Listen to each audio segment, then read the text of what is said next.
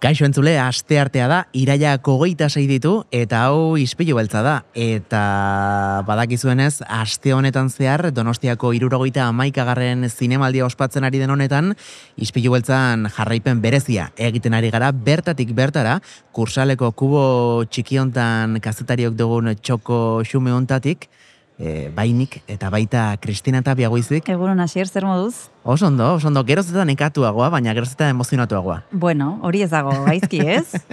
e, bez, bata bestaren gatik. Bueno, protagonistak ezagutzeko eta elkarrezketatzeko aukera izaten ari gara bai. egunotan, pelikulak ikusi igual gutxiago, e, baina bueno, baten bat, e, harrapatu dugu, e, ez da, erresa, eh? elanean aritza eta gero pelikulak ikustean. Ikustut, hemen jende askok e, bat edo beste egiten dula. Hombre, e, biak, mm, hemen prentsa akreditatu asko daude, mm, lan gehiagi ere egiten ez dutenak. Eh? Bueno, e, pelikulak ikustea lan bat baldima da, hori ah, bueno, claro, hori bada zure lana. Bueno. E, atzo hitz egiten nuen e, kazetari batekin, ere lankidoi batekin, pixka bat eh, akreditazioaren trampa ez da. Oh, ze hmm. ondo, eh, sarbida daukate pelikula guztietara goteko, galetara, hmm. eta bar. Hmm. Claro, eh, baina zergatia daukazu akreditazioa ez da. Bai, bai, bueno, bueno.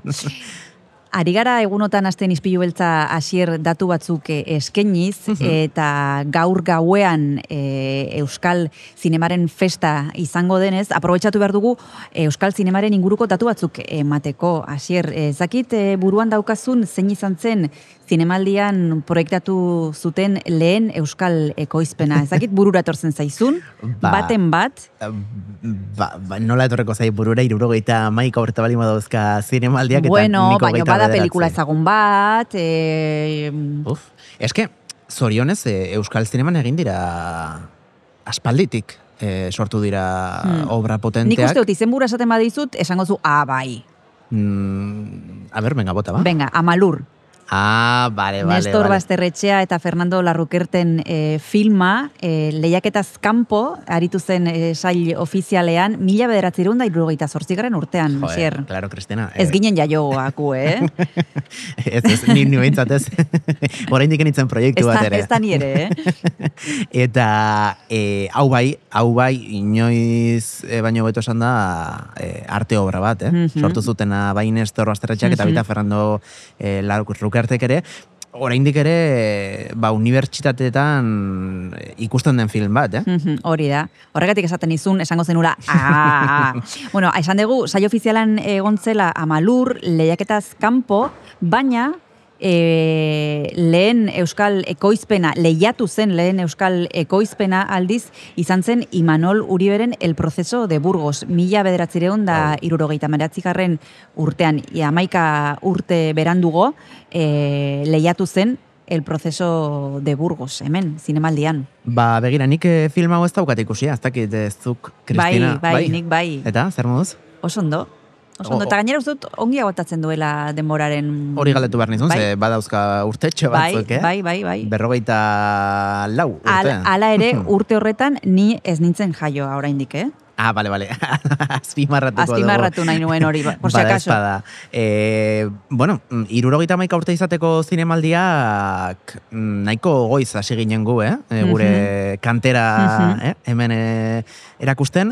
Eta, bueno, zer esan, eh, aintzinako aspaldiko film oiek oso potenteak izan ziren, baina Euskal Zinemaren evoluzioa ikaragarria izan da. Bai eta hortik mm, ausartu ganizatek esatera, obera besterik ez duela egin. Bai, bueno, ez geneukan beste aukerarik ez, bakarrik hobetzea geneukan, eta aipatu ditugu hemen pare bat pelikula Malurre da El proceso de Burgos, baina e, ez ziren Euskaraz pelikula hoiek, Antxone Zeizaren ke arteko egunak izan zen sail ofizialean mm. lehiatu zen Euskarazko lehen filma, hori bai, ja beste amar urte beranduago, Imanol Uriberen El proceso de Burgosen, e, El proceso de Burgos izan zen mila berzereun da, irurogeita mare zigarren urtean, eta esan bezala antxone zaizaren kearteko egunak mila bederatzireun talarogeita bederatzi garren urtean lehiatu zen hemen zinemaldian. Beraz, orain bai, hor jaio zinean. Bai, Hor ja jaio hor, zinean. bai, hor ja existitzen nintzen. Zu oraindik ez. Ni oraindik ez, ez, ez, ez, hor, baina ja proiektu bat imaginatzen dute banintzela. Mhm. e, beraz, mm, laurogeita bederatzean izan zen lehen euskarazko e, filma, askotan euskal zinema hitz egiten dugunean, e, aipatzen edo barne biltzen ditugulako euskal herrian bertan, ez, gure lurraldean sortutako produkzioak. Mhm. Em, hala ere, euskal ekoizpenen presentzia geroz eta handiagoa izan da, Bai. e, zinemaldian, zinemira ere mm, interesgarria litzateke jakitea noiz sortu zen, baina Mm. guk ere badaukagu gure esail propio bat, eta, bueno, mm, dudari gabe, pelotazo haundienetako bat e, aipatu beharra daukagu. Bai, nik uste dut inflexio puntu bat markatu zuela e, loreak e, filma, 2008 Mhm. urtean, eta hortik aurrera, iaia urtero ikusi dugu Euskal ekoizpen bat e, sail ofizialean edo sail garrantzitsuetan, zuzendari berrietan, eta bar. Loreak esan bezala, 2008 urtean ikusteko aukera izan genuen hemen zinemaldian, eta gero, etorri ziren adibidez, Lasa eta Zabala, Amama, Handia, Morir, e, Dantza, 2018 garren urtean, La Trinchera Infinita, Akelarre adibidez, Wow. Maixabel joan den urtean, Suro ere bai joan den urtean, La Consagración de la Primavera, aurten e, Isabel Ergeraren El Sueño de la Sultana, e, lehiatzen ari da saio ofizialean, bueno, izugarrizko e, zerrenda eta oso proiektu potoloekin. Bai, bai, duela bederatzi urte izan zen loreaken estrenua, Mhm. eta nik ez dakite mori artitarrek zer egin zuten, baina, jo, Euskal Zinemak bosgarren martxa sartu, Bai. eta hortik aurrera urtetik urtera sekulako e, sorkuntzak izan ditugu, gainera, aipatzea ere noski, aste honetan guk e, jorragai ditugun lan asko bezala, e, batzuk ez direla, zinemaldira iristen, edo ez direla sai, bueno, ba, ofizialan lehiatzen, Bai. eta bar, eta bar. Orduan, mm, hortik kanpo ere badagoela bizitza bat. Hori Askotan, e, uste dugula Euskal Zinema bakarrik zinemiran geratzen dela, baina ez ez, hortik aratago ere bada, eta hain zuzen Euskal Zinemaz, baino, zinema gilez e, hitz egin da, aurten ere, 2008 garren urtea, bada edizio berezi bat, horretarako. Bai, hain zuzen ere, Victor Erize zinemagileak jasoko duelako Donostia saria, eta izango da e, lehen biziko Euskal zinegilea e, lortuko duena e, sari hau. Beraz, e, bueno, a ber, horrek ere bide bat irekitzen duen, eta datozen urteetan e, Euskal zinemagile gehiagok lortzen duten Donostia saria. Zu epaimai bezina, mm, Bueno. wow, izen guztien artean, badukaz horrela Ai, baten dakit, bat. ez dakit, ez, ez, naiz ausartuko hori Bueno, aste artea da oraindik. Vale. E, ostiral Ea, arte, ea ostiralean, daukagu. hori da, pentsatuko dut. Nik badauzkat izen batzuk. Vale. Vale. Ostiralean eh, jarriko ditugu aman komunean. Venga, vale. Ispilu beltza.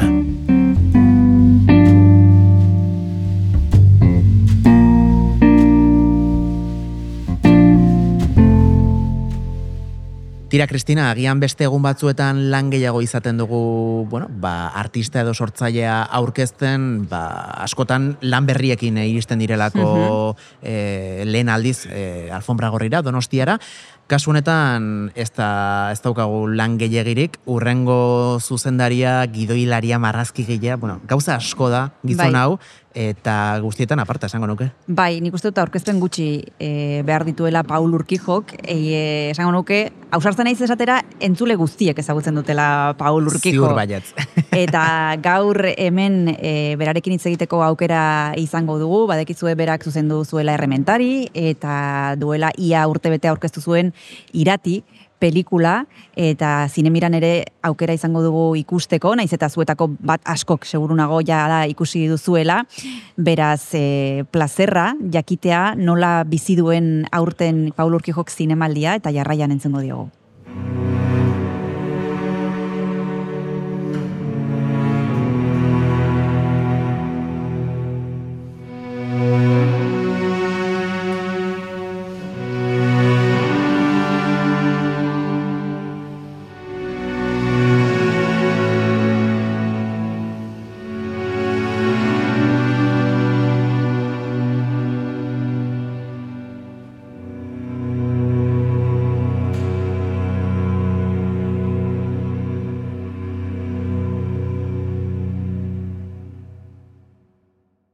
Paul Urkijo, ongietorri gure izpilura. Apa, non, Egunon, Paul, zer modu zaude? Zer modu zaurtengo zinemaldia? Ez dakit, e, bueno, proiektua aurkeztu zenuen ja da hilabete batzuk, e, orain zinemaldian ikusteko aukera izango dugu. Nola izango da zure aurtengo zinemaldia? Bueno, niretzako da pixkat e, iratiren zikloaren amaiera. Uh ba, dura ur, urte bete, dura ur, aurreko urteko urrian estrenatu genuen sitxesen, eta ta, bueno, urte osoan zehar egonda mundutik emendikara, Eta, bueno, ba, izan daiteke alako brotxe bat, ez, amaiera brotxe bat, e, pelikula ja hori Amazonen dago, eta leku askotan ikusgai, baina pantalla handian ikusteko aukera polita, ez, gaina zinemaldean bagoza bat. Eta ez dakit, e, orain aipatu duzu, urte beteia igaro dela, nola ikusten duzu zure sorkuntza, nola ikusten duzu zure aurtsoa, e, pixka distantziatik, e, perspektibatik? Bueno, ja, heldu, eldutu da, ez? Nik uste. E, jo, ba, egia esan oso bidai polita izan da, e, estinatu zenetik ja, bueno, oso harrera polita jaso ditugu, e, eta, bueno, ja libre, ez? Bera, lasai bak, irati bakarrik e, alabau e, bakarrik biltzeko. Mm bueno, oso posik ez dakit. Mm Sitxesen aurkeztu zenuten proiektua eta seguru asko entzule askok jada irati ikusi duela. Esan bezala plataformetan ikusteko aukera dago, pantalla hundian, bueno, ba, aukera gutxi dago, orain badaude pasu, pase batzuk hemen e, zinemaldian. Nola sortu zen proiektu hau, Paul? Atzera egiten badugu, e, aspalditik zeneukan buruan ideia zerbait konkretua izan zen e, piztu zuenak e, ba, e, pelikula... Mm, Bueno, nik uste txikitatik eukidudan e, pasio edo grin hori mito, euskal mitologiarekiko, ez? E, beti da nik naiz e, narratza edo kontalari, bai marrazkiak eginez, bai puina kontatuz eta bar, eta, bueno, denbora pasala, ba, e, filmeak zuzentzen amaitu, amaitu dut, gioilari eta zuzendari moduan, nire historia kontatzen, ez? Era batean, eta beti eukidut e, ba, nahi hori ba, euskal mitologiako pelikula handi bat egiteko ja errementari egin nuen, bueno, ipuin folkloriko batean je oinarrituta, brandiaranek jasoa ere, baina kasu honetan nahi nuen zerbait, ba, euskal mitologiak daukan ba, kutsu eta oso teluriko eta primordial hori pixkat islatzeko, ez? Gaina epikoa, erdiarokoa, eta barni beti pentsatut hor bat material oso interesgarri eta oso e, poteretsu bat. Eta, bueno, bu, e, bueltak eman ala, e, larogei garren, larogei garren amarkadan, e, baneukan komiki bat, e, ziklo irati daitzen zena, dena, e, oraindik badago salga, gainera ber e, editatu dute. Eta, bueno, e, zen gaztetxoentzako komiki bat, non agertzen ziren bi pertsonaia, alde batetik, eneko aritza gazte hau, eta beste aldetik, ba, irati erdilamia hau, ez? Eta bueno, zen oso historia hori gaztetxoentzako, euskal mitologiarek mm, pertsoniak agertzen ziren, erabatean, oso fantasiosoa, eta, e, bueno, irud, ma, marraskiekin maula oso gaztetxoentzako, ez, pixkate e, bideratuta. Eta baina nik hori ikusten duen ba, material bat edo bi pertsonaia e, zeinen bidez hitz egin nuen ba, pixka dualismo, niri interesatzen zen dualismo horretaz hitz egiteko, ez? Ba, e, paganismoa eta kristautasuna, e, gizonak eta makumeak, e, e, materialkaltasuna, patriarkaltasuna, oraina geroa, magia eta e, berezko eta aidiezkoa deitzen bi esaten diren bi, bi mundu ezberdin horiek, ez? Bai. Eta horren hartu dituen bi persona horiek, desarrollatu, e, bueno, egilekin hitz egin nuen, eta bar, eta eta bueno, haiek guztiz askatasun guztia utzi zidaten. Horren nahi nuen izan zen material hori e, lurreratu e, garai historiko konkretu batean, horregako bateiaren ondoren, Nafarroako erresumaren sorrera horretan, ba, e, familia musulmanekin zeuzkaten erlazio horiek eta bar, eta gero bestalde batetik, ba, nire usnarketa egin euskal mitologiari buruz, non Mari Jainko den ba, epizentroa, panteoi horrena eta bar, eta bueno, ba, mundu zarro horren galeraren historia bat kontatzea, ez, era batean e, historia guztiz ezberdina da, komikiarekiko, baude bere, bere, bere herrimak, bere, bere gozatxoa, benzo, e, historia helduago bat, ez? Eta, bueno, hori da pixkate sorkuntzaren historia do aitzakia. Eta ez dakite, ez zote den agian erreixagoa, zuk berak e, sortzea mundu, ez da? Efektizio bat, ala ja sortua, ez? E, Euskal Herrian ja, bueno, ba, errotua zegoen e, aipatuzu folklorea, Mm. aipatuzu mitologiako elementu guzti horiek, pertsonei guzti horiek hartu, eta mm, aurretik ja e, egindako zerbaiten gainean zuk kontatu nahi zenitun gauza guzti horiek kontatzea, agian batzuetan ere komplikatuagoa da, ez da? Bueno, eh, nik uste, hau ja, debate interesgarri bada, nik, ah, Tolkien bezalako autoreak eta bar sortze dituztenak mundu fantastikoiek ez dira berez guzti asmatuak. Beti daude, eh, ez dakit Gandalf Odinen itxura dauka, eh, a- eh, agertzen diren elementu, eh, Silmarillonen agertzen diren zuaitz eh, erraldo joiek Yggdrasil zuaitza dira, pixkat eh, mitologia nordikotik hartzen ditu gauza asko, ez? Eta nik uste hor da, ustut hor dagoela potere bat. Eta, eta niretzako berez ere, Mari ez da i- fantasia asko ez der, oza, existitu egiten da. Malurra da, gu bertatik sortzen gara eta bertara bueltatzen gara, era batean, da, e, iruditeri poetiko bat, horre, e, naturaz eta Euskal Herriari buruz hitz egiteko. Ez da, niretzako hor dagoen magia erreala da. Eta askoz ere, aparte, osea, nik hori e, konpartitu eta isladatu nahi dudala jendearekin, bai Euskaldunekin, bai mundu guztiko jendearekin, e, izaki fantastiko, edo, edo izaki edo deidade hauen izenak e, jendeak e, esan ditzan, ez, e, Euskal mitologian esaten den moduan, izena duen guztia bada. Izenak esaten baitugu, izaki horiek indarra eta potere eukiko dute eta jarraituko dute existitzen e, denboran zehar, ez? Orduan, behar pixkan diretzako da, ba, ba, kruzada hori ere, ba, bueno, kruzada justo, ez? Segurtzarekin ez da ikusik, baina, baina, bueno, e, erronka hori, ez? Eta, eta niretzako hor dagoen materiala konektatzen du oso zuzenki jendearekin. Zehatzen basara zerbait originalagoa, entre comillas, egiten, naiz eta beti eukiko dituen konexioak, eh, ez dakit, eh, mitologikoki ez du hain erraz konektatuko. Eta niretzako hor dagoen material hori da guztiz poteretzua, eta gainera e, bi jentea. Ze funtzionatzen dute. Osa, antzineko mitoak gaur egun funtzionatzen dute, gutaz hitz egiten dutelako, eta orain arte mantendu badira da, ba, berez funtzioa dutelako eta erabilgarriak direlako. Hor dagoen material guztia, e, guztiarekin sortu duzu mundu bat ederra dena, estetikoki oso polita dena, oso sugerentea, oso atraktiboa dena, eta horrek e, atzean dauka aurrekontu potolo bat, e, proiektu haundi bat da, nola da e, horrek guztiaren kapitaina izatea, e, Paul, ze, bueno, e, ez da e, ikusten ba, ikusi baduzue, ez da proiektu erresa zentzu hortan ekoizpenaren aldetik e, gauza asko, elementu asko eta zu izan zara, bueno, pixka bat horre guztiaren e, gidari. Zaila izan da bereziki edo komodo sentitu zara? Bueno, bi gauza daude. Alde batetik, e, naiz eta aurrekontu oso handia dirudien, ez da egin den Euskal Ekoizpen handienik. Hmm. Osa, igual badirudi, baina ez da. Eta e, pelikula Espainiar ertain baten presupuestoa dauka. Hmm. Ez da, olako pelikula epiko bat egiteko norma, normalean eukitzen da e, aurrekontu asko zera handiagoa. eta ja, ba, ba, ideia bat egiteko adibidez, pelikulan agertzen den bataia egun batean grabatu behar izan nuen, neuzkan figuranteekin, ba, magia ginez, ez, ez genukan diru gehiago, ez? Halako, azkenan, bueno, eta e, ekipo e, izugarri bateri esker, batera atera dugu aurrera, eta, bueno, e, hola izan da, baina. E, gero bestalde, egia da, e, proiektu aldetik oso ambiziosa dela, eta e, arriskugarria. E, ba hori, e, fantasiasko pelikula bat, handia, bataiekin, epikoa, bla, bla, bla, olakorik ez dago precedenterik. Eta niretzako, ba, hori orkestatzea izan da pixkat suizidio eh, espiritual bat modukoan, izan, da izan da zerbait katartikoa. Ni honetan sinisten nuen, eta nuen, ez ba naiz botatzen, buruz, eh, itxu, ez dut egingo.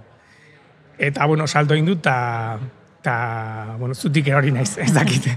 E, bueno, maitasunez e, tratatuz materiala, e, fede askorekin, e, bai materialan, bai historian, bai kontatzen nuenan, eta bai ekipoan, eta hola izan da, izan da oso, oso katartikoa, baina, bueno, e, egin dugu. Eta aipatu duzun prozesu katartiko honen ostean, bueno, imaginatzen dut, harrera ona izango zuela espero zenuela. Azteko, bueno, ba, horrelako, ez, ba, produkzio batek, euskaraz, euskalduna, bertan egindakoa, e, zuk ere aurretik egin dituzun e, lanen emaitzak ikusita ere, e, imaginatzen dut, barnean, bueno, ba, arrakasta minimo bat, mm, esperoko zenuela, baina horrelakoa, gaur egun e, ez dizu inorrek e, tronuak endu, e, zuzara, e, bueno, ba, euskarazko pelikularik e, takilleroena e, sortu duen artista zuzendaria. Ez dakitola hori nola, nola bizitzen den? Bueno, e, berez, ez dakizu ez, e, arrakastaiko duen, eta bada holako bi, bi filoko arma bat pixkatze diozu, bale, e, kontatu nahi duena, ni bakit jende askok ikusi nahi duela, betidanik ez, jende askok ametzu, amestu egin duela, ba, ez dakit, mari ikusten, pea, pantaian olako gauzak, izinozkoak diruditenak, e, baina gero arrisko handia dago, zen bakoitza bauka bere iruditeria buruan, eta eta ere beldurra neukanea jendeak nola hartuko zuen, ze gainera hemen justo gara oso kritikoak. Bai kulturarekin, bai historiarekin, bai euskararekin, gara oso talibanak, denak, denak gara linguistak, denak gara historialariak, eta eta eta hor arrisko, ba, arrisko handia, herri txikia gara, baina, baina denok dakigu asko, ez? Eta, et, eta hor pixkat beldur nintzen. Gero bestalde batetik ere, e, kanpora begira ere, ba, jo, euskarazko pelikula bat, fantasiazkoa, Hmm. olako, ba, ba, ar- arrisko handia dago. Ekoizleek ere aposto handia egin dute. Eta, eta ba, ez dakizu, ez, nik egitan, enekien arrakasta izango zuenik. Bai, neu, fedea neukan materialan, zen nitzako hor potere bat zegoen, eta barekin jendearentzako interesgarria izango zela. Hortik ja, e, ba, hori historiako euskal pelikularik takierona, takierona izatera, ba, bueno, hori ja sorpresa bat izan da eta izugarri ederra. E, euki duen harrera oso oso polita izan da, bai hemen, bai kanpoan, eta, bueno, ba, goza bat izan da, ez dakit. Gainera, e, guretzako euskaldun moduan oso berezia izan da Espainiar estatuan ikustea hainbeste astez, hainbeste astez, e, bueno, ba, filmik ikusienetakoa zela zineman, hain zuzen, zuk aipatu duzun euskal mitologiatik abiatutako historio bat izanik, ezta? E, euskal Herria ere nolabait e, zure lanaren bidez edatu duzu laboa izetara. Bai, hori ere zen pixkat funtza, ez? Osa, gure identitateara gutxi, gure herria, gure sinismenak, e, gure lurraldea ere, ez? Na, natura berez pelikulan nos esantzia ikaragarria dauka, kasi zentrala, ez? Eta, ba, bai, em, e, estatu mailan oso harrera polita izan du, jendeak oso, ez dakit, bai euskera, bai euskal mitologia, eta bar, besarkatu egin dute, pila bat, e, e, kolore guztitako jendea, oso harrigarria izan da. E, eta, bueno, hori oso, poli, oso polita eta nik uste, bueno, e, honek ere bultzatzen badu, e, ba, beste lurralde batzuetako jendea bere identitatea pixkat e, edatzeko eta ensaltatzeko, ba, e, ba, bueno, ba... Ongi etorri izan da hori bera, ezta? Aipatu dituzu Paul hainbat gai jorratu nahi izan dituzu iratin, e, emakumezkoak, gizonezkoak, mitoak, e, natura ere bada protagonista bat e, pelikulan ere, baina azpimarratu nahiko nuke euskararen papera. Ze oso polita da entzutea e, nola hitz egiten duten pertsonaiek e, euskaraz. E, hori guztian nola landu duzu?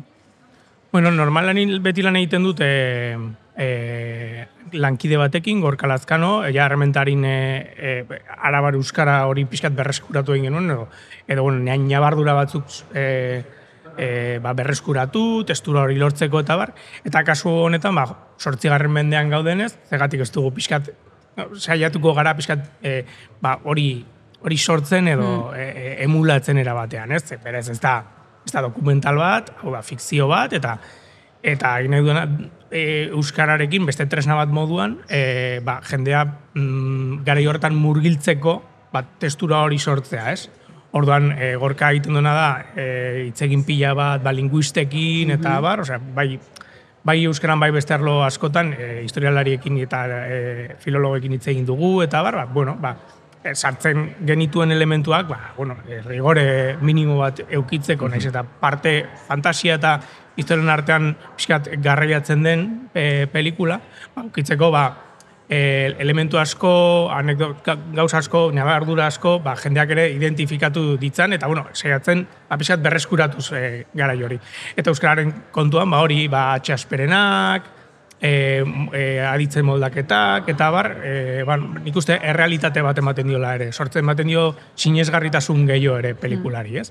Eta gero, ba, bueno, aktoren lanaren aldetik, ba, goza bat zen, hemen oso aktore eta aktoresa ikaragarriak dauzkagu, Euskararekin ez dakate arazorik, ze askotan be, haiek, be, haiek e, e, ez dakit, telebistan, goenkalen e, beste seio batzuetan, edo pelikuletan, ba, gipu, gipuzkoarra izan da, bizkaieraz egin behar du, edo nafarreraz, edo, Bai. edo iparralde, eta denok oso hurbil dauzkagu beste euskalki batzuk, orduan, errestasun handia daukate horretarako. Mhm. aktoreak aipatu dituzu, enituzke gainontzeko aktoreak eh, gutxietsi nahi, baina bai fokua jarri aktore batean, eh, iratirengan, edurne azkarate, e, nolakoa izan da, bere lehen film luzearen zuzendari izatea, nola, nola aritu zara berarekin lanean? Jo, ba, bo, edurne altxor bat da, hemen esaten dut, e, be, ba beste zuzendari batzuek entzunde esaten, ze, ba, ba, aurkikuntza bat, e, bera, denbora pila urte asko dara matza e, antzerkia egiten, bai. zuzendari antzerkia bezala ere,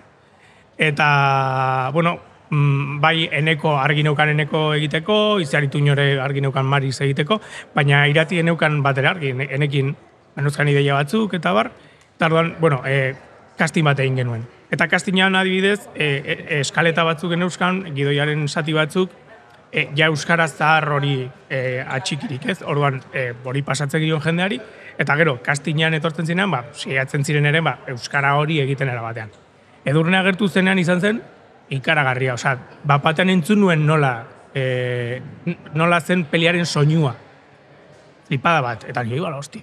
Gero, aparte, e, iratien personaia ez da bat ere erreza, zera oso fisikoa da, oso e, animalia, ez? Baina gero bestalde batetik oso magnetikoa eta ere izan behar du oso emotiboa. Bai. e, bakardade hori transmititu egin behar du, kontraste handiko e, pertsonaia bada, eta oso zeia da hori, eta bueno, ba, edurne ere oso fisikoa da, oso animalia, oso, gimnastikoa ere, eta gero dauka hori magnetismo handia begiradan eta bar, eta jo, ba, erdi lamia izan behar da horretarako, ez? Orduan, e, bueno, hori ikusi genuen eta argi izan nuen. Gero gainera, nekorekin oso kimika polita izan zuen, bigarren frogan, eta oso, ba, zuzenean e, au- aukeratu nuen, bai.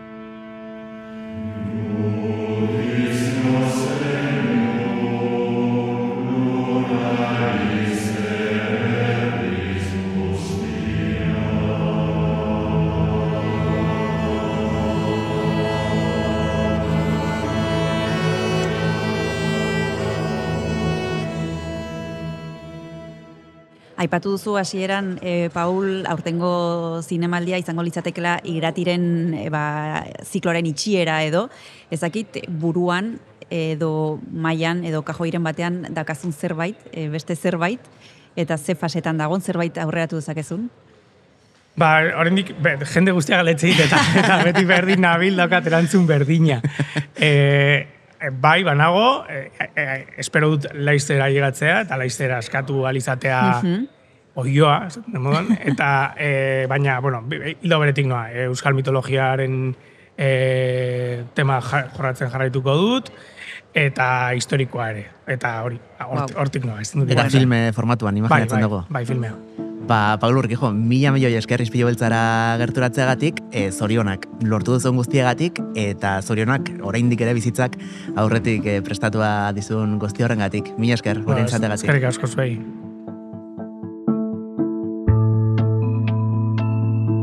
Ispilu beltza podcasta entzungai duzu Spotify, Apple Podcast, Google Podcast eta beste hainbat audio plataformatan.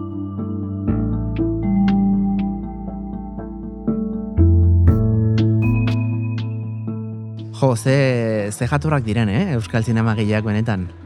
bai, gurekin behintzat, bai. Bai, ka- Nik uste dut transmititzen dutela hori, ez? Na, bai, gertukotasun hori, ez? Etxekoak Mm. izatea, e, Mm. den asko zeren naturalagoa da beraiekin. Mm, mm. Bueno, guazen eh, ja bukatzera, hasier aipatu behar dugu zer izango dugun gaur, protagonistekin hitz egiteko aukera izan dugu, baina gaur gauean Euskal Zinemaren gala ospatuko da, Victoria Eugenia Antzokian izango da arratsaldeko zazpiterdietan, bertan Pako Sagarzazuren ibilbidea azpimarratuko da zinemira saria emango diotelako eta gero pelikula bat ikusteko aukera izango dute bertara joaten direnak. Hori da, pelikula bertakoek eh, soilik ikusi izango dute, orain txaipatuko dugu zein izango den film hori, baina e, aipatzea Euskal Zinemaren gala bere horretan, zuzenean ez, baina ondoren bederatziak bost gutxitan Euskal Telebistaren lehenengo katean emitituko dela, beraz, mm, aitzakirik eh, ez du inorrek, ba, gala hontaz ez gozatzeko, filma hori bai, bertako entzat e, soilik, Kris. Hmm, bai, arnasa betean ikusteko aukera izango dute bertara joaten direnaek, mm badekizue Rosa Zufiak eta Berta Gaztelumendik zuzendutako proiektua dela, bihar izango ditugu gurekin hemen izpilu beltzan, eta Bai. izugarrizko dokumentua sortu dute, Euskal Emakume Zinemagileen inguruko dokumentua, ea bihar zer kontatzen diguten. Ba, tira, gehiago luzatu gabe, agur esango diogu gure entzulei, eta guk korrika-korrika e, zinemaretuetara. Bihar